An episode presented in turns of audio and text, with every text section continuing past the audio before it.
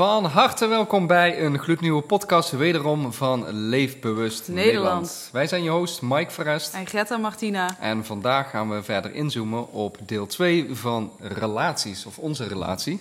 Er zijn weer heel wat, heel wat vragen over binnengekomen, volgens mij. Ja, die vragen die waren al binnengekomen. We hadden in een vorige podcast aangegeven dat we een tweede deel aan zullen wijden. Omdat er nog zoveel meer te verkennen is op het vlak van relaties en liefdesrelaties. En hoe je ervoor kunt zorgen dat je een gezonde relatie opbouwt vanuit vertrouwen naar onvoorwaardelijke liefde toe, hè Mike? Ja, let's get started. Let's get started. Oké, nou, de eerste vraag die binnen is gekomen is: hoe weet je dat je elkaar echt leuk vindt? Meer dan vrienden. En hoe ging dat bij ons? Ja, hoe weet je dat je elkaar leuk vindt? Een beetje de vragen om hoe weet je dat je verliefd bent. Eh, er zijn niet echt een set aan rules van, nou, als je dit en dit eh, ziet, of, of wanneer dit uitgesproken is, dat je dan elkaar leuk vindt. Ik denk verliefdheid is natuurlijk, denk ik niet, dat weet ik, dat is een gevoel. En ehm, you just know. Als je elkaar echt leuk vindt, dan weet je dat. Dan hoef je, dan, dan hoef je die vraag ook niet te stellen. Als je eens kijkt naar, want wij zijn nu eh, meer dan 15 jaar samen. Als je eens kijkt naar, naar je zegt you just know, hoe wist jij dat je mij leuk vond? Ja, dat rook ik. Dat, dat rook Ja, jij. ik ben heel eh, van de geur. Nee, dat is niet waar. Ja, ik ben wel van de geuren, maar dat rook ik niet, want we stonden in een hele drukke, druk café toen. Ja. Ik, nou, ik heb, uiteindelijk is dat een proces geweest natuurlijk, maar toen ik jou beter heb leren kennen, ja, toen wist ik gewoon dit, dit, dat voel je. Verliefdheid voel je in je buik, dat voel je niet in je, in je hoofd. Ja, Dus dat- vlinders in je buik, de bekende vlinders in je buik. Maar ook, ik kan me echt nog wel herinneren dat ik eh, alleen nog maar aan jou kon denken. Ik het was echt, eh, ja, ik was verliefd en ik merkte gewoon dat ik niets anders wilde dan bij jou zijn. En ik denk dat dat een, iets bekends is op het moment dat je verliefd bent. Dus wellicht inderdaad een, een heel logisch antwoord. Ja. Ehm, dus ik, laat, zie- ja. ik weet niet of de vraag specifiek ging over dat mensen, want ik zie meer dan alleen vrienden tussen, tussen haakjes staan, of mensen wellicht al vrienden zijn en aan het uitzoeken zijn of ze misschien elkaar leuker vinden dan alleen vrienden. Eh, ja, nou ja, daarmee kan Nee, ik dat heeft dan toch ook met seksuele aantrekkingskracht te maken. natuurlijk. Wil je intiem zijn met een ander? Het is wel heel gevaarlijke trouwens. Eh, als je je vriendschap meer waardeert, of tenminste dat je heel veel waarde hecht aan je vriendschap, dan kan het starten of beginnen aan een relatie, een, een, Een liefdesrelatie. liefdesrelatie wel killing zijn voor, eh, ja, De- ja, voor, de je vriends- vriendschap uiteindelijk. Mocht dat uiteindelijk overgaan. En dan kun je wel denken van ja, maar we blijven gewoon altijd vrienden, ook al gaan we als liefdesrelatie uit elkaar. Alleen vaak is de pijn dan zo groot dat dat ook niet meer mogelijk is. Ehm, dus bedenk je heel goed wanneer je al vrienden bent, of het, ja, of het het waard is om ook uiteindelijk je vriendschap eventueel te verliezen als de liefdesrelatie in een, eh, ja, in een breuk komt. Ja, en ik denk dat dit ook geen vraag meer is op het moment dat de vriendschap van nature overgaat naar een liefdesrelatie. Dan ben je daar niet meer mee bezig, dan ontstaat dat vanzelf. Ja. De tweede vraag is een belangrijke vraag waar we ook wat meer aandacht aan willen gaan geven in deze podcast. Want we hadden jullie al aangegeven dat we wat dieper willen inzoomen op ongezonde relatiedynamieken. Want deze vraag is als volgt: hoe weet je of je in een gezonde of ongezonde relatie zit en of je relatie niet meer werkt? En dit is een hele belangrijke, omdat we er natuurlijk voor willen zorgen dat we in een relatie groeien naar een vorm van onvoorwaardelijke liefde waarin je vrijheid kunt ervaren samen. En daarom is het goed om te weten wat nou kenmerken zijn wanneer jij in een ongezonde relatie zit. Ja, die zijn er nogal wat natuurlijk. Ehm, Red flags noemen ze het ook wel. ja, vaak hebben we er een- is het ook een blinde vlek. Hè? Of willen we het niet zien? Weten we het wel, maar willen we het niet zien? Omdat we op een of andere manier zo gehecht zijn aan onze partner... dat, eh, dat we het letterlijk rooskleurig inzien. Hè? Of de potentie zien van een ander. Ehm, ook een hele gevaarlijke trouwens. Daar kunnen we straks wellicht wat meer over eh, uitweiden. Maar echt, ja, major red flags. Als je het mij zou vragen... Hoe weet je of je in een ongezonde relatie zit? Zou ik denken als eerste wanneer je ehm, heel veel angst ervaart. Ja, dan weet je dat je in een ongezonde relatie zit. Want angst, als je bijvoorbeeld het gevoel hebt dat je angst hebt om, om het verkeerde te benoemen of om, hè, om het verkeerde te doen, uh, angst om niet goed genoeg te zijn, om verlaten te worden, om de ander te verliezen, uh, angst om alleen te zijn, nou ja, angst, angst, angst, angst, dan is dat absoluut geen gezonde basis voor en een fundering voor, ja, voor een gezonde relatie natuurlijk. Nee, en hetzelfde geldt voor conflicten. Natuurlijk is het heel normaal om in een gezonde relatie een conflict te ervaren. Maar wat het ongezond maakt is als je merkt dat je continu maar dezelfde soort situaties tegen blijft komen in je relatie die zich niet oplossen. En dat je daarin ook geneigd bent om elkaar te gaan beschuldigen. Dat je een ander eigenlijk in principe verantwoordelijk maakt voor jouw pijn. Ja. En in een gezonde relatie doe je dat niet, want dan heb je respect voor elkaars gevoelens. En vanuit die wederzijdse respect neem je allebei de verantwoordelijkheid en praat je er met elkaar over. We hebben in de vorige podcast ook over open, open communicatie gehad. En ik denk dat dat goed is om in jouw relatie, om daarna te gaan kijken op het moment dat je nu in een relatie zit. Of er conflicten zijn die continu maar weer terug blijven komen.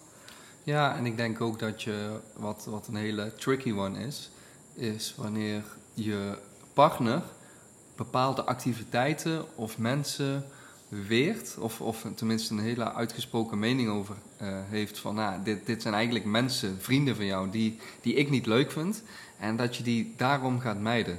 Dus dat je activiteiten gaat mijden of mensen gaat mijden, vrienden gaat mijden, uh, omdat je partner er uh, op een of andere manier een weerstand, een aversie of een afkeer van heeft. Um, de, heel absoluut geen gezonde basis natuurlijk, want jij hoort je vrijheid te behouden. Je bent vrij, niemand kan jou claimen. En um, een, een echte partner die er voor jou is en voor jou klaarstaat, die zou nooit een vriendschap zomaar uh, afkeuren op basis van een gevoel van, nou, ik vind die niet leuk, of waarom ga je daar nog naartoe? Uh, dat is niet de juiste vriend of vriendin voor jou.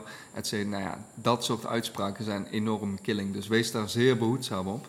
Ja, en het is ook goed om dan het onderscheid te kunnen maken in of je een relatie hebt om echt iemand nodig te hebben, of omdat je van iemand houdt. Want daar zit wel echt een groot verschil in. Ja. Ik, ik kom wel regelmatig relaties tegen waarbij het veel meer lijkt alsof het een, een, een vorm is van elkaar, van jezelf veilig voelen bij elkaar. Maar dat het niet gaat over ware, ware liefde, waarin je jezelf geliefd voelt en een verbinding met elkaar hebt. Dus een sterke liefdesverbinding, maar ook dus diezelfde verbinding met anderen kunt ervaren. Ja, en er, zit dan ook een neediness in, hè? van de, een leegte opvullen. De meest toxische relaties starten vaak met ehm, een basis van schaarste. Dus, dus niet dat je open staat voor een relatie om jou aan te vullen, maar omdat je iets opgevuld wil hebben in jezelf. Ja, je zoekt dan een andere partner om jezelf compleet te maken. Ja, en dat kan een partner nooit doen. Want als je een, een, jouw partner verantwoordelijk maakt voor het opvullen van jouw geluk, dan zullen er altijd gebreken zijn en verwijten en en, en ja, over en weer ruzie over, over wat, wat wel kan en niet kan. En wat je niet gelukkig maakt. En wat de partner wel goed, goed doet en niet goed doet. Dus dat is een, enorme schaarste wanneer, wanneer je vanuit een bepaalde neediness leegte komt van... Oh, jij moet mij gelukkig maken. Volgens mij is er nog een hele bekend nummer van gemaakt. Uh, ik, hou van mij. En uh, de artiestennaam even kwijt. Maar de boodschap daarvan is dus ook... Als jij zegt ik hou van jou... Dat betekent pas echt iets wanneer je eerst zegt: Ik hou van mij. Zonder een ik hou van mij is een ik hou van jou niks waard. Ja, de relatie met een ander gaat altijd over de relatie met jezelf. En hoe gezonder je de relatie met jezelf ervaart en hoe meer je zelfliefde ervaart in jezelf, dus ik hou van mij, hoe meer je ook vanuit een bepaalde eerlijkheid en oprechtheid van een ander kan houden. En dan verdwijnt ook die neediness en dat maakt dan weer een gezonde relatie. Maar op het moment dat die neediness zich juist uitvergroot, en dat kan zowel vanuit jou naar de partner toe zijn of de partner naar jou toe, dan ontstaat er zoiets als een bezitterigheid en, en, en jaloezie. Ja. En ik denk dat het heel erg goed is om daarop te letten op het moment dat jij zelf iemand bent die de partner heel erg wil bezitten of heel erg jaloers is. Dus bijvoorbeeld continu wil weten waar je partner is en met wie die, met wie die is. En dat je continu verwacht dat je partner je, jou op de hoogte stelt van, van eigenlijk alles wat hij of zij doet. En ik denk dat dat een hele ongezonde dynamiek is als je niet je partner vrij kunt laten.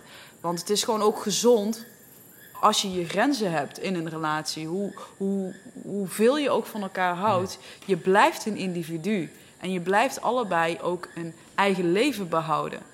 Ja, en hoeveel tijd dat opslokt in, in een relatie. Hè? Ik, ik vergelijk het altijd met hè, wanneer jij echt jouw missie wil leven. Wanneer je echt datgene wil doen waar jouw hart in, in vuur en vlam van komt te staan.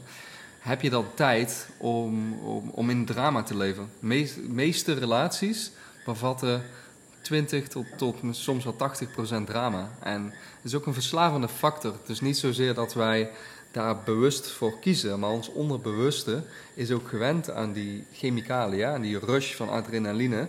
En wellicht herken je dit wanneer je dit hoort, dat je soms ook zelfs uh, aan het uitlokken bent. En dat je, dat je misschien geen ruzie wil, maar iets in je systeem, iets in je brein is, heeft zin in die drama, in die rush van adrenaline. En, ah.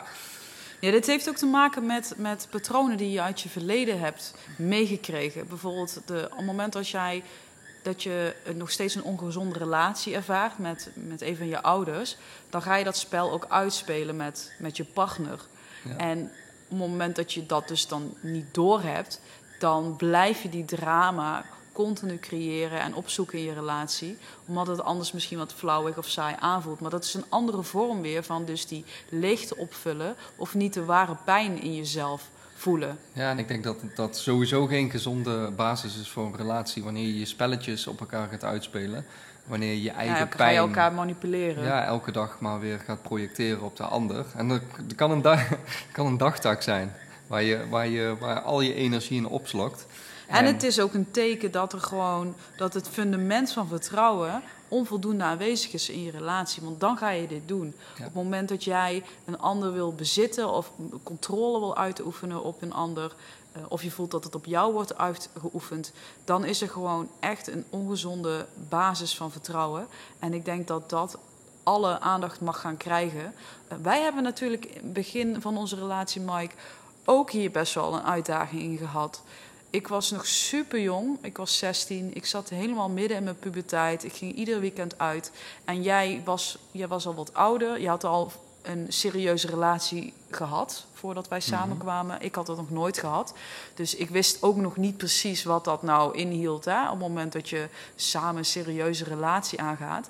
Dus jij had wel in het begin heel erg je twijfels van... oké, kan kan ik haar wel vertrouwen. Want ze gaat ieder weekend op stap en ik kon ook best wel veel drinken. En ja, ik was ook gewoon nog zo'n feestbeest. Ja. En dat, dat heeft in het begin heel veel onrust gecreëerd in onze relatie. Ja, ja nou ja, dat, en dat, dat is ook iets wat je denk ik in het begin van een relatie moet uitwerken met elkaar.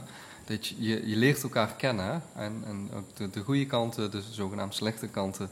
En uiteindelijk is de vraag van past een partner bij mij voor de levensfase waar ik nu in sta. Ehm, soms zijn we zo geneigd om maar vast te houden en vast te houden en te proberen en te kijken, werkt het wel, werkt het niet. Ehm, terwijl het moet ook een match zijn op, op, op, uh, op persoonsniveau. Dus gewoon qua karakter, match het qua karakter wel met elkaar. En als dat zo anders is ten, ten opzichte van, van je potentiële partner, ja, dat is de vraag van, van werkt dat wel? Soms, soms kan het heel goed werken dat je zo anders bent dat je elkaar aanvult, dat het op een of andere manier toch klikt. Maar ja, je kan ook zo anders zijn en verschillend dat, dat het totaal niet werkt. En dat we daar eigenlijk veel te lang aan blijven vasthouden. Ja, het is zo mooi dat je dit nou benoemt. Want het is ook een belangrijke red flag om hier naar te kijken. Wat je vaak ziet in de relaties is dat een van de partners zichzelf verloren heeft in de relatie. Dus die, die heeft zich volledig gegeven aan de ander. Die heeft geen eigen hobby's meer, die heeft geen eigen interesses meer. Die leeft eigenlijk het leven van de partner. En dat is een, een teken dat je dus je eigen individualiteit aan het verliezen bent. En ja, dan, dan heb je dus weer te maken met een ongezonde relatiepatroon, wanneer je, waarbij je de vrijheid niet kunt ervaren. Ja. Ja, dus dit zijn allemaal belangrijke punten waar je rekening mee kunt houden. En als jij iets hiervan herkent, dan zit je in een ongezonde relatiedynamiek. En die kun je natuurlijk ombuigen. En dat begint met open communicatie en de vertrouwen met elkaar opbouwen. Ja. als we dan kijken naar een leuke vraag die hierna gesteld is, uh, vind ik ook wel een hele mooie, want we hebben dat samen in onze relatie ook onderzocht. Uh, er zijn namelijk verschillende soorten relaties die je met elkaar aan kan gaan. En soms ontstaat een disbalans in je relatie omdat de vorm van de relatie gewoon niet helemaal kloppend is. De vraag die gesteld is, is wat voor soort relatie hebben wij? Hebben wij een open relatie? En wat vinden wij van open relaties? Ja, ja, er zijn natuurlijk heel veel manieren om een relatie aan te gaan. En ik denk vooral in het begin dat je met elkaar mag uitzoeken en ook bespreken van wat is het meest passend. Uh, kijk, en vaak in het begin is, is het ook nog niet uitgesproken. Hè? Van hebben we iets, hebben we wel iets, zijn we samen, zijn we niet samen. Ja. Uiteindelijk heb je natuurlijk daar een gesprek over met de vraag naar elkaar toe. Van wat betekent dit dan, hè? dat we een relatie hebben? En, en wat betekent een relatie voor jou? Hoe zit, zit dat in elkaar? Je hebt natuurlijk monogame of vaste relaties, maar je hebt ook lange afstandrelaties. Wat vaak het geval is wanneer partners ver van elkaar wonen. Nou, in Nederland zijn de afstanden relatief kort, maar nog steeds ziet, wordt het gezien als een lange afstand wanneer iemand in Groningen een relatie heeft met iemand in Limburg. Ja, in Limburg. dus dat toch wel een redelijke afstand om te overbruggen. Ja, dan heb je een ander soort relatie natuurlijk, wat voor sommige mensen heel goed werkt. Terwijl dat voor een andere langzaam doodbloedt, omdat Dat er gewoon minder contact is. Je hebt ook latrelaties, dan kies je ook bewust voor om niet samen te wonen, om allebei je eigen plek te behouden, omdat voor sommige mensen is het gewoon heel erg belangrijk om dus die eigen space te bewaren. Omdat ze waarschijnlijk daar heel veel uh, waarde aan hechten. En het is een hele gezonde manier, of dat kan een gezonde manier zijn om een relatie met elkaar aan te gaan. Het is wel goed om dat van elkaar te weten. Ja. En dan heb je natuurlijk zoiets als open relaties of polyamorie. Dan heb je volgens mij relatie met meerdere mensen tegelijk. Ja. Dus een open relatie. In ons geval, want het is dat, daar gaat de vraag natuurlijk ook over of wij een open relatie hebben en, en wat wij daarvan vinden. Nee, de vraag is dan natuurlijk, wat, wat versta je onder een open relatie? Ja. Vanuit de, de definitie waarop die over het algemeen wordt verklaard, is een open relatie dat je ehm, ja, vrij bent om emotioneel, seksueel met, uh, met andere mensen te, te ontdekken. Dus dat je elkaar daar vrij in laat, poly. Hè? Of, of dat je zelfs een, een, een relatie hebt, bijvoorbeeld als man met, met twee of meerdere vrouwen. Of andersom, uh, dat je als vrouw een relatie hebt met, met meerdere mannen, hoe je, hoewel je dat minder ziet. Uh, vooral in uh, Arabische culturen zie je meer dat een man meerdere vrouwen kan hebben. Um, Alleen is dat vaak wel op een andere manier natuurlijk georchestreerd als, als bijvoorbeeld in Nederland een, open relatie. Dan er zijn wel mensen hoor, die, die meerdere partners hebben en die ook samenleven. Alleen ja, dat vraagt natuurlijk wel om heel veel onderhoud, om gesprekken, om... om je ziet dat ook heel veel in de tantra-community. Daar gaan we het zo ook nog heel even over hebben. Um, maar in ons geval, ik, ik, als ik kijk naar onze relatie, dan heb ik het idee dat wij, we hebben gewoon een monogame relatie. Alleen als het gaat om onszelf vrij voelen bij anderen, ook in wat je emotioneel voor een ander kan voelen, ook in een, een, deels intiem contact, dus bijvoorbeeld tegen een ander aanleggen of met een ander knuffelen, of gewoon echt intiem samen zijn zonder dat daar een vorm van seks aanwezig is. Um, dat, dat is wel wat, wat bij ons heel natuurlijk is ontstaan. Wel door de jaren heen. Ook natuurlijk omdat wij ons hebben doorontwikkeld. Omdat Tantra op ons in onze relatie in onderdeel heeft gekregen. En omdat we ook gewoon heel erg hebben gemerkt dat liefde die je kunt voelen. niet alleen per se voor je partner bedoeld is. Je kunt ook gewoon liefde voelen voor, voor mooie vriendschappen die je aangaat. Of, of gewoon soms zelfs spontane contacten die, met mensen die je helemaal nog niet zo lang kent. En uh, het voelt heel. Um, voor ons heel erg Ehm, benauwend als dat er niet zou mogen zijn. Ja, als als, als daar in één keer een grens ligt van oké, ehm, dat mag je alleen bij mij doen. Um, en dat, dat, zou, dat, dat, voelt ook heel natuurlijk van mij om dat van jou te verwachten. Dat jij je liefde niet mag tonen naar een ander toe. Maar ik voel dat er dus wel een grens is, eh, of een soort van afspraak die we met elkaar hebben gemaakt, al dan niet onbewust om om niet zomaar in één keer seks te hebben met een ander. Maar ook dat is iets wat open ligt op het moment dat daar als daar iets in zou ontstaan. Ik heb gewoon het idee bij ons, Mike, dat wij, dat wij heel open zijn in, in hoe wij groeien in onze relatie.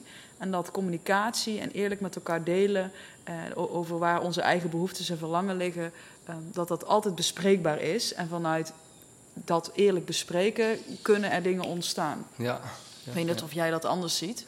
Nee, ja, en ik denk dat, dat daar juist de openheid in zit. Hè? En, en ik, zat, ik zat even te denken dat, dat, dat het ook heel vreemd voelt als je een, bijvoorbeeld een natuurlijke impuls voelt om iemand een knuffel te geven. En dat je dan het idee hebt van, oh nee, maar mijn partner is erbij en dan kan het niet. Als je daarin heel erg geremd voelt en als je partner dan weg is, dat je bij wijze van wel doet. Dus dat je, dat je altijd op je hoede moet zijn van, oh, is mijn partner in de buurt? Want dan moet ik mezelf inhouden en kan ik bepaalde dingen niet doen of wel doen. En hoe mooi is het om elkaar juist daar vrij in te laten. En ehm, hetzelfde met kijken, kijken naar een andere vrouw. ik, ik weet dat er, dat er relaties zijn waar, waar een vrouw echt heel boos kan worden. Wanneer je op straat loopt en komt een mooie vrouw langs. En, en je kijkt als man even. En dat je ondertussen het gevoel hebt, niet kijken, niet kijken, niet kijken, niet kijken, niet kijken. Please don't do it, please. Want ja, dan ja. de grootste ruzie. En, en, en de vrouw die dan, dan de, de, snel kijkt van, heeft hij gekeken? Heeft hij, ja, dat is gewoon... Ja, dus, daar ontstaan echt vaak uh, frictie en, en, en ruzies over, over... Dit is gewoon, dit is pure jaloezie. Dat, je, dat je eigenlijk je eigen um, natuurlijke behoeftes moet gaan onderdrukken omwille van je partner, terwijl daar in essentie helemaal niks verkeerds mee bedoeld wordt. En natuurlijk, bij ons, Mike, was het in het begin ook gewoon een ding. Want je, je, gaat een beetje uit van een traditionele vorm van relatie en je leert op een bepaalde manier aan hoe je, wat je van elkaar moet vinden en hoe je met iets om moet gaan, totdat je dus elkaar beter leert kennen. En ook, ik weet gewoon nog in het begin dat ik automatisch het idee had dat, ja, dat als ik dat zou doen, dan voelde ik me schuldig. Als ik bijvoorbeeld een, een, een, aantrekkelijke man of vrouw zag, in mijn geval, want ik vind beide aantrekkelijk. Uh, of, dat, um, ja, of dat je een bepaalde aantrekking kan voelen tot iemand. Ja. Had ik al heel snel het gevoel van, oeh, ik ben alsof je al bijna vreemd zou zijn gegaan. Ja, wij mannen zijn er heel makkelijk in, hè? Wij zijn gewoon, oh kijk eens, uh, schat, wat een mooie man loopt daar. ja, natuurlijk. Geven alle, alle handsteeuwen. nee, maar serieus, ik denk dat, dat, dat, je, dat het ook heel natuurlijk is om, om, om te kijken. Ik weet dat Osho ooit heel mooi in een boek heeft omschreven dat wij heel verwonderd kunnen zijn van de natuur. Dat we kunnen kijken naar een, een, een beekje met, met mooie bloeiende bloemen. En dat we kunnen omschrijven in de mooiste poëtische taal hoe de natuur zich ontvouwt en wat er te zien is. En de dieren en de insecten die rondvliegen. Maar op het moment dat we naar een vrouw kijken, zijn we meteen de viezerik. zijn we de pervert. Terwijl. Hoe, is dat niet ook gewoon ja, de natuur? wonderlijk schoon is een vrouw. En dat is net zoveel natuur en nog veel, veel, veel complexer dan bijvoorbeeld een rivier die je ziet stromen. Uh, waarom zou je daar niet verwonderd van mogen zijn? Maar hoe mooi is het ook als je dat juist in je relatie kunt delen? Want je weet dat het er toch is. We hebben allemaal gevoelens. We, hebben allemaal een vorm van aantrekkingskracht. En soms komt er gewoon iemand op je pad waar je net wat meer voor voelt dan voor een ander. En hoe mooi is het als je dat kunt delen met elkaar, zodat dat niet een eigen leven gaat leiden. Want wat er vaak gebeurt is, stel dat jij een bepaalde aantrekkingskracht voelt tot iemand en dat mag er zogenaamd niet zijn, dan gaat dat in je hoofd helemaal uitvergroten. Dan ga je er misschien zelfs een soort van kromme fantasie van maken. Een verboden vrucht. Ja, nou ja, precies. Omdat het er niet mag zijn. Terwijl op het moment dat je dat gewoon voelt van... oh, ik mag, ik mag dit gevoel gewoon ervaren. En ik kan het zelfs delen met mijn partner. Mijn partner die voelt zich daar ook oké bij. En soms in het begin kan dat triggeren. Ik bedoel, dat heb je ook met elkaar uit te werken... zodat je steeds meer kan groeien in emotionele en soms onafhankelijkheid. is het ook beter om het als een, een fantasie te houden. Want geloof me, de, de fantasie is altijd mooier dan de werkelijkheid. Hoe weet je dat, Mike? Heb jij ooit een fantasie uitgeleefd? Ik heb uh, meerdere fantasieën uitgeleefd. Oh ja? ik, ik, kan hetzelfde met eten. Soms kun je, natuurlijk, eten smaakt lekker. En soms kun je denken, oh, dit, dit is, oh, hier kijk Ga je nou vooral uit. vergelijken met eten? ja, ook een mooie vergelijking, toch? Ja, ja, ja. En, en uiteindelijk, wanneer je vol zit, dus wanneer de, vol, de, de behoefte is voldaan, denk je van, nou, was dit het? Oké. ja, ja. Dus eigenlijk, de, wat, de, het gras is ook altijd groener aan, uh, bij de buren of aan de overkant. Dat je het idee hebt van, oh, het, het kan beter. En dat is denk ik ook het gevaar. Nou ja, op het moment dat je dat op gaat zoeken, je bedoelt in je relatie, Ja, dat je dan iets, een ander beter maakt dan de relatie die je nu Ja, of de fantasie die je hebt. Ja, ja, precies. En dan ga je het eigenlijk in een soort van droombeeld projecteren. In plaats van dat je kijkt naar wat is er op dit moment, wat ervaar ik in, op dit moment in onze relatie of in mijn relatie. En hoe kan ik daar meer, meer licht op schijnen. En hoe kan ik dat gaan uitwerken met mijn partner. In plaats van inderdaad in die fantasieën te gaan leven. Ja. En dat gebeurt overigens ook heel vaak in, eh, tijdens, tijdens seks. Op het moment dat je seks hebt, dat het is ook een, een soort van dissociatie die er dan kan ontstaan. Dat je, dat, je, dat je niet met je echte verbinding maakt met je partner, maar gewoon ja, aan het denken bent. En in sommige gevallen ben je al bezig met eh, eh, dat je de afwas straks moet doen of wat je straks gaat eten. Ja. En dat is ook een, een vorm van uit verbinding gaan met je partner. En ik denk dat het allerbelangrijkste is, is dat je juist in verbinding blijft met je partner. En ik geloof ook dat door de jaren heen de vorm van relatie kan veranderen. Dus dat je in het begin heel erg een monogame relatie hebt en dat het vervolgens meer groeit tot een open relatie, omdat daar gewoon wat meer vrijheid in is. Maar ik denk dat het ook te maken heeft met het begrijpen van de biologie van de man en de biologie van de vrouw. Want bijvoorbeeld, ehm, wat vrouwen heel graag willen na de seks is knuffelen. Man is na de seks klaar en die wil het liefst met rust gelaten worden. Ja, En juist dat kan voor frictie zorgen, omdat de vrouw voelt zich niet gezien en gehoord.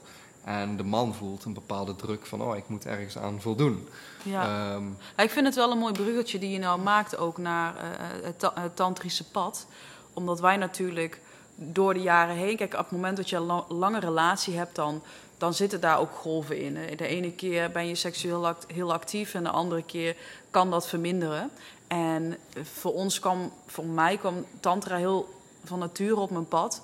En toen had ik in jou gevraagd, maar ik weet niet of je dat nog weet. We waren toen in Thailand en de- ik, daar kwam echt een zo'n mooie retreat voorbij. Een opleiding was het tot Tantric Tao ehm, practitioner, waarbij je echt volledig leert om vanuit, ja, Nou, ik denk allereerst om de, het, het, het idee eh, van tantra, wat het betekent om dat weg te halen. Want mensen hebben bij tantra direct het idee, oh dat gaat over seks.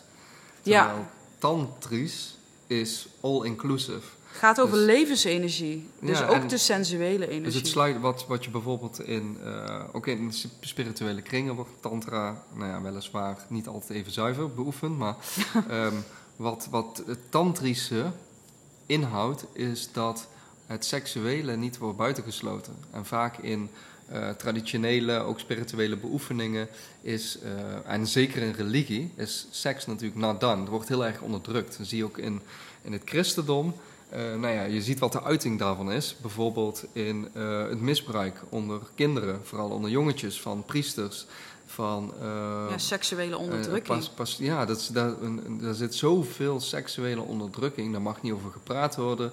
eh, daar, daar mag je niet over spreken. Je mag het niet uiten. En wat gebeurt er dan? Ja, dan, dan wordt het dus dusdanig onderdrukt. Maar uiteindelijk vindt het op een distorted, op een verkeerde manier toch zijn uiting. En dan zie je dus dat, dat kinderen eronder lijden. Want die, die worden gewoon misbruikt. En, en dat blijkt ook door alle schandalen tot nu toe die vanuit het christendom naar buiten zijn gekomen. Nou, dus het is niet, niet normaal wat, wat daaraan misbruik heeft plaatsgevonden. En het tantrische zorgt eigenlijk voor het all-inclusive. Van nee, ook het seksuele is onderdeel van onze biologie, of we dit nu willen of niet. Die gevoelens die zijn er. En ehm, mag dat er helemaal zijn. Ja, dan gaat het zowel over je sensualiteit, maar ook om je vrije expressie. En wij werken heel veel met tantra binnen onze retreats. Eh, Een actieve meditatie, waarin je bijvoorbeeld gaat schreeuwen of, of jezelf vrij uit, of gaat dansen of gaat zingen, is ook een tantrische benadering. En om het dan, hebben over, om dan te hebben over het retreat en hoe tantra bij ons op ons pad kwam. Wij zijn dus in een opleiding gedoken, waarbij we echt hebben mogen leren om levensenergie in ons eigen lichaam en systeem te activeren en bij elkaar te activeren. En om ook op een andere, hogere manier te kijken naar, naar seks en hoe je seks kunt eh, bedrijven met elkaar. En dat dat niet alleen maar gaat over eh, de deed, zeg maar. Dat je eh, aan je trekken komt, wat vaak wel gedacht wordt van seks komt, gaat er over de man die klaarkomt. Maar dat je juist leert om jouw levensenergie, om daarmee te gaan werken. En dat het niet, juist niet per se gaat om het klaarkomen aan zich, maar dat het veel ja, meer is gaat over... Healing. Daar, dat is Precies. wat in Tantric Tao, dus ta- Tantrisch Taoïsme, eh, centraal staat. De opleiding die wij hebben gevolgd gaat over ehm, bodywork. Dus er zit heel ja, veel die lichaams, armoring, ja. lichaamswerk bij. Waarbij je gebruik maakt van drukpunten waar heel veel emotie ligt opgeslagen. Onder andere in, eh, in de yoni, maar ook de anus van de man. Eh, maar ook op bepaalde buikpunten. Eh, letterlijk, hè, waar je angst voelt, dat voel je natuurlijk in je maag. Of, en je kan letterlijk met iets in je maag zitten. Dus er zijn allerlei plekken in het lijf. Maar zelfs ook op de tanden, in de kiezen, ehm, in alle ja, je lichaam holtes lichaamsholtes waar we eigenlijk normaal niet komen of wat niet aangeraakt wordt. Vaak zit daar een bepaalde spanning. En die spanning is opgeslagen emotie, wat daar dus vastzit. En uiteindelijk wordt dat ook, ehm, hoe zeg je dat, nam, gevoelloos, Verdoofd, verdoofd. En dat is vaak wat bij vrouwen ook gebeurt. Die zijn seksueel misbruikt. In eerste instantie doet het pijn. Dat is ook trauma in het lijf. Maar als die eh, pijn niet verholpen wordt, dan, ehm, ja, dan wordt het verdoofd en uiteindelijk voelen we niks meer. En die Tantric Tao zorgt ervoor dat je ehm, ondertussen hoor je een auto oprijden. We zijn hier trouwens in, in Costa Rica. En eh, af en toe hoor je wat omgevingsgeluiden van eh, kikkers en wat auto's die voorbij rijden. Op een hele, hele mooie plek. Maar het kan zijn dat je af en toe wat, eh, wat omgevingsgeluiden hoort. Ehm, maar dat, dat tantrische tantric Tao zorgt ervoor dus dat je het lichaam gebruikt om los te komen van eh, trauma, van opgeslagen emoties, om daar vrij in te komen. En het, wat is dan het tantrische daaraan? Is dat de filosofie, tantric Tao, is een mixture, is een mix van plezier en pijn. Want eigenlijk wat je doet wanneer er trauma loskomt in je lijf, dat is vervelend, dat is geen prettige ervaring. Maar juist door het sensuele, het tantrische, eh, het, het- uit te nodigen. ja, om dat te bewegen en ook tijdens een, een massage, dat, dat juist te gebruiken, kun je dat balanceren met elkaar. Want als je alleen maar trauma-release doet, creëer je een nieuw trauma. een nieuw trauma, ja. En juist door, door eh, het plezier, het, sens- het sensuele, het genot van het lichaam uit te nodigen in combinatie met eh, release van opgeslagen emoties, zorgt voor de perfecte balans. En wat ik mooi vind aan sowieso deze opleiding en wat het teweeg heeft gebracht in onze relatie, is dat, dat de seksualiteit, maar ook de intimiteit en de verbinding die we met elkaar ervaren, echt naar een, een, een next level is gegaan. Echt naar een hoog niveau, waarbij de subtiliteiten ook veel meer aanwezig zijn. In plaats van dat het op een bepaalde manier voelt, de, de traditionele vorm, zoals we bijvoorbeeld seks zien in films, voelt heel vlak en oppervlakkig en koud. Terwijl er zoveel diepte te verkennen is in de manier waarop je samen relatie kunt aangaan en de liefde kunt bedrijven. En dat is iets wat ik, ja, waar ik voor altijd dankbaar voor zal zijn. En het is ook gewoon heel mooi om, ehm, ja, om te kijken of Tantra op die manier een rol kan spelen in de relatie met je partner. Zeker als je voelt dat, die, dat de vuur ontbreekt en dat je de aantrekkingskracht mist. En juist jouw partner kan jou helpen, ondersteuning in die heling die je mogelijk in jezelf ervaart. Of die verdoving of die blokkades die in jezelf aanwezig zijn. Want het is vaak zo bij vrouwen dat die heel veel schaamte voelen. En, en misschien op een bepaalde manier in hun verleden eh, zichzelf hebben laten misbruiken. Of dingen hebben gedaan die over hun grenzen heen gingen. En het is heel mooi juist, dankzij Tantra, om dat op een gezonde manier te gaan verkennen. Ehm, maar wat Mike ook al zei, ja, de, de, gebeur, er is ook heel veel onzuiverheid aanwezig in de tantra-wereld. Dus ja, je hebt daar wel voorzichtig in te zijn. Maar nog steeds zit daar een bepaalde onderdrukking in, ook bij vrouwen, hè, wat vroeger nog veel meer, eh, meer was. En letterlijk Waarin? in, in seksualiteit. In De, seksualiteit, en ja. letterlijk gingen vrouwen vroeger naar een dokter, waarbij de, de dokter letterlijk een soort van handjob gaf aan een vrouw, eh, waarbij hysteria, hysteria, dus die hysterie onder vrouwen, werd daarmee eh, opgelost. ja. Eh, en, en daarbij zie je dus wat voor helend effect het heeft wanneer een vrouw dus ook gewoon letterlijk klaarkomt. Er ligt zoveel taboe in deze tijd op, op en dan misschien al, dat gaat dus al heel lang eh, terug, heel ver terug, op, op inderdaad een, een vorm van lust en, en genot. En, en en levensvreugde. En, en... Maar het is ook een ontlading. Het is letterlijk een ontlading voor. Er zijn heel veel manieren om te ontladen. Maar voor een vrouw is dat super helend natuurlijk. En wanneer dat altijd maar onderdrukt wordt. En soms is het of zo wanneer de, verdoofd, de seks alleen maar gaat is. over de man. Ja. Dan, dan ko- komt een vrouw niet toe aan die, aan die ontlading. En daarom is het mooi om dat samen met elkaar te, te ontdekken. Een vraag die ook gesteld is, is van hoe zorg je eh, hier, wat, wat als je partner, partner weinig zin heeft in seks? En hoe, hoe zorg je ervoor dat, dat, dat je je libido weer terugkrijgt? Dus stel je nou voor dat je zelf merkt dat je weinig zin hebt in seks, je hebt een laag libido. Wat kun je nou doen om dat te gaan versterken? Ja, vanuit voedingsoogpunt zijn er natuurlijk heel veel manieren. Eh, maar allereerst is het denk ik belangrijk om eh, stressniveaus, om, om die te verminderen. Want als je onder stress staat, chronische stress, ja, dan... De biologie van je lichaam is natuurlijk wijs genoeg om ervoor te zorgen dat je dan niet opgewonden raakt. Want als je onder stress staat, dan is je lichaam gericht op gevaar buitenaf. Ja. En zal het natuurlijk nooit investeren in ja, opwinding, seksuele opwinding. En, en, en zeker ook niet om op reparatie of eh, vernieuwing van cellen. Alles is gericht op die buitenwereld, want daar, is, daar zit het gevaar in. Dus allereerst natuurlijk om je stressniveau zoveel mogelijk onder controle te krijgen. Dat kun je doen door eh, meditatie, door ademhalingsoefeningen, Wim Hof ademhalingsoefening, 4, 7, 8 ademhalingsoefening. Om dat regelmatig toe te passen wanneer je voelt dat je ehm, ja, vrij veel onder spanning staat. Ja, en ook je werkdruk verlagen, wat meer in de natuur zijn, echte ontspanning opzoeken, ehm, jezelf slapen. ver- verwennen met de massage, ehm, een mooie, een mooie intieme, mocht je in een relatie zitten, dates creëren met je partner. Dat, is, dat ondersteunt ook om natuurlijk je libido te verhogen, om die echt die quality time weer in je leven te brengen met Ja, elkaar. maar als je, als, je, als je veel stress ervaart of slecht slaapt, ja, dan kun je ook niet verwachten dat je, dat je libido hoog is. Want ja, het lichaam heeft natuurlijk hele andere prioriteiten. En libido, het gevoel van lust, ontstaat pas wanneer je lichaam dusdanig in balans is dat daar ook tijd en ruimte voor is. Ja, je kan het vergelijken met wanneer je eh, extreme honger hebt, dan is de, de, de prioriteit eten. Alvorens je natuurlijk eh, ja, een bepaald gevoel van lust kunt ervaren. Maar ook met eten zijn er heel veel mogelijkheden. Want bijvoorbeeld bepaalde voedingsmiddelen zoals vijgen, bananen, eh, avocado's, ja, die worden wel gezien als libido-verhogend voedsel.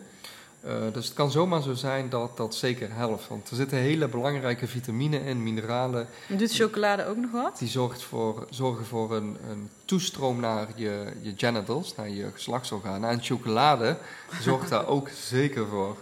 Eh, Ja. Want laat, eh, ja, eigenlijk voornaam wat chocolade doet, is het zorgt voor de aanmaak van serotonine, ook weer een gelukstofje. Waardoor je dus weer relaxer bent, gelukkiger bent. En wat weer een automatisch gevolg is dat, dat, dat je lust verhoogt. Dus eigenlijk wat je zegt is dat je met voeding heel veel kunt doen. Ehm, en dat het belangrijk is om je stress te verlagen. En, Ja, en- en- quality, quality time te verhogen. Op het moment- want, want libido gaat natuurlijk ook om de, weer de aantrekking te voelen tot je partner. En als daar frictie aanwezig is, dan heb je dat natuurlijk ook uit te werken. Ja, en als je geen, geen aantrekking voelt, dan drink je een fles wijn leeg. En dan, eh, Ja. Nee, maar dat, dat eh, één, een glaasje, één glaasje rode wijn kan al heel erg helpen om te ontspannen. Ehm, sommige vrouwen of, of zelfs Adviseer je mensen nou om alcohol te gaan drinken? dat dus de tip van vandaag. Ja. Nee, maar een glas rode wijn is, kan ook heel, is heel erg gezond. Als je gewoon biologische rode wijn hebt, dan kan dat heel erg... Ja, juist, dat kan er soms, zit- soms net voordelen eens aan. scherpe randjes. Kijk, het moet geen eh, way to go worden. En dat moet ook niet iets zijn wat je iedere dag gaat doen. nee, maar, maar het kan helpen. Het kan ondersteuning om die ontspanning te zoeken. Natuurlijk Maar nog beter om met natuurlijke voedingsmiddelen. Want ik al zei, bananen, vijgen, eh, avocado's. zorg ervoor dat je mediteert, je ademhaling onder controle brengt. Dat je goed slaapt, ja, dan komt het vanzelf. ja, en verwacht ook niet, want dat is een vraag die ook werd gesteld: van hoe zorg je ervoor dat je seksleven synchroon blijft lopen met je partner? Ik weet niet of dat helemaal mogelijk is. Kijk, een vrouw heeft natuurlijk een andere cyclus in haar systeem. We hebben te maken met een maandcyclus.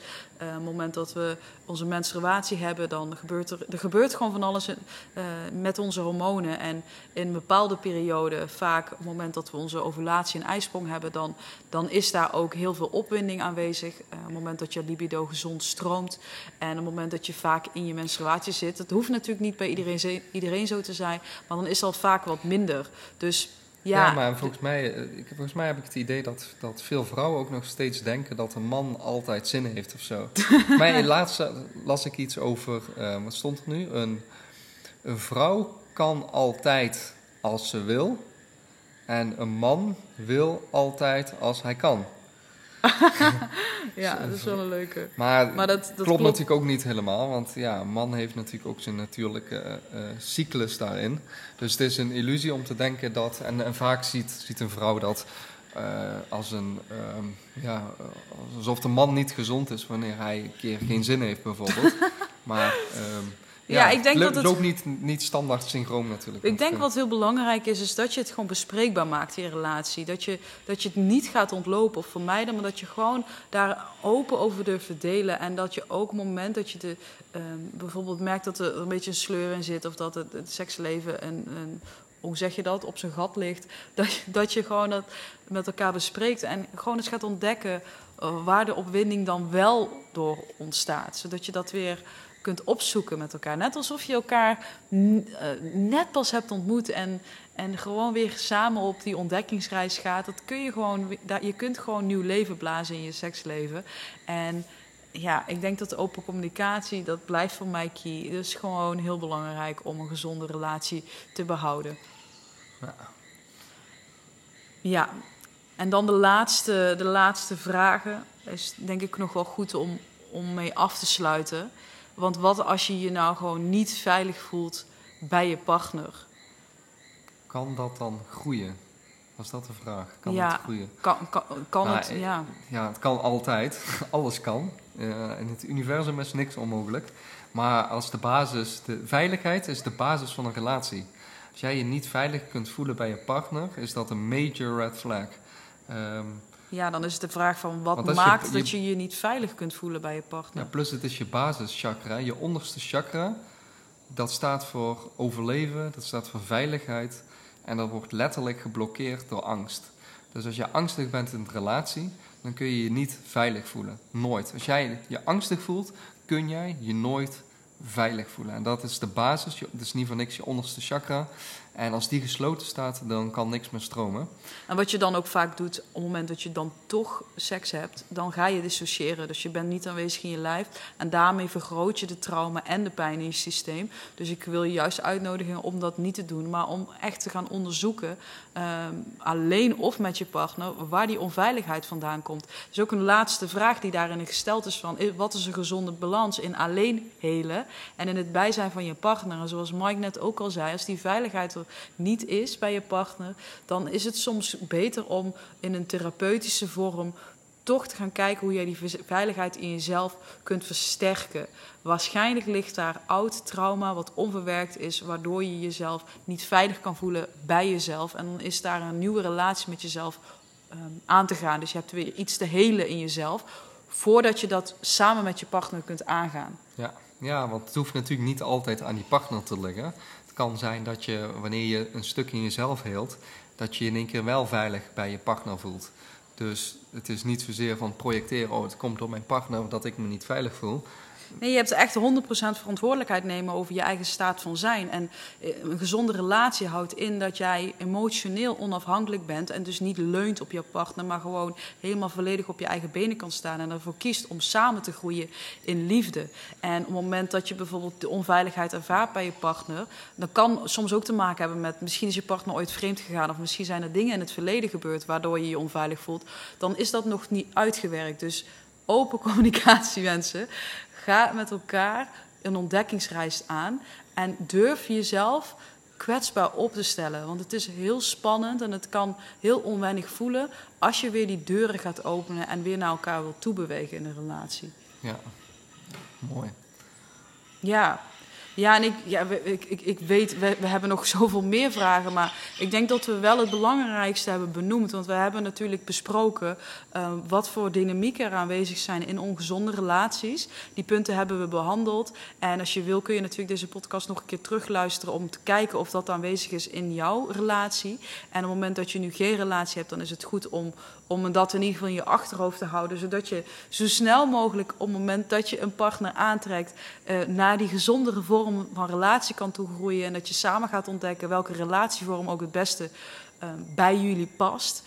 En dat je elkaar dan kunt gaan vrijlaten en een emotionele onafhankelijkheid in jezelf ervaart. Dus speel geen dramatisch spel met je partner. En denk ook niet dat jouw partner de fix gaat zijn van jouw gebrokenheid die je mogelijk in jezelf ervaart.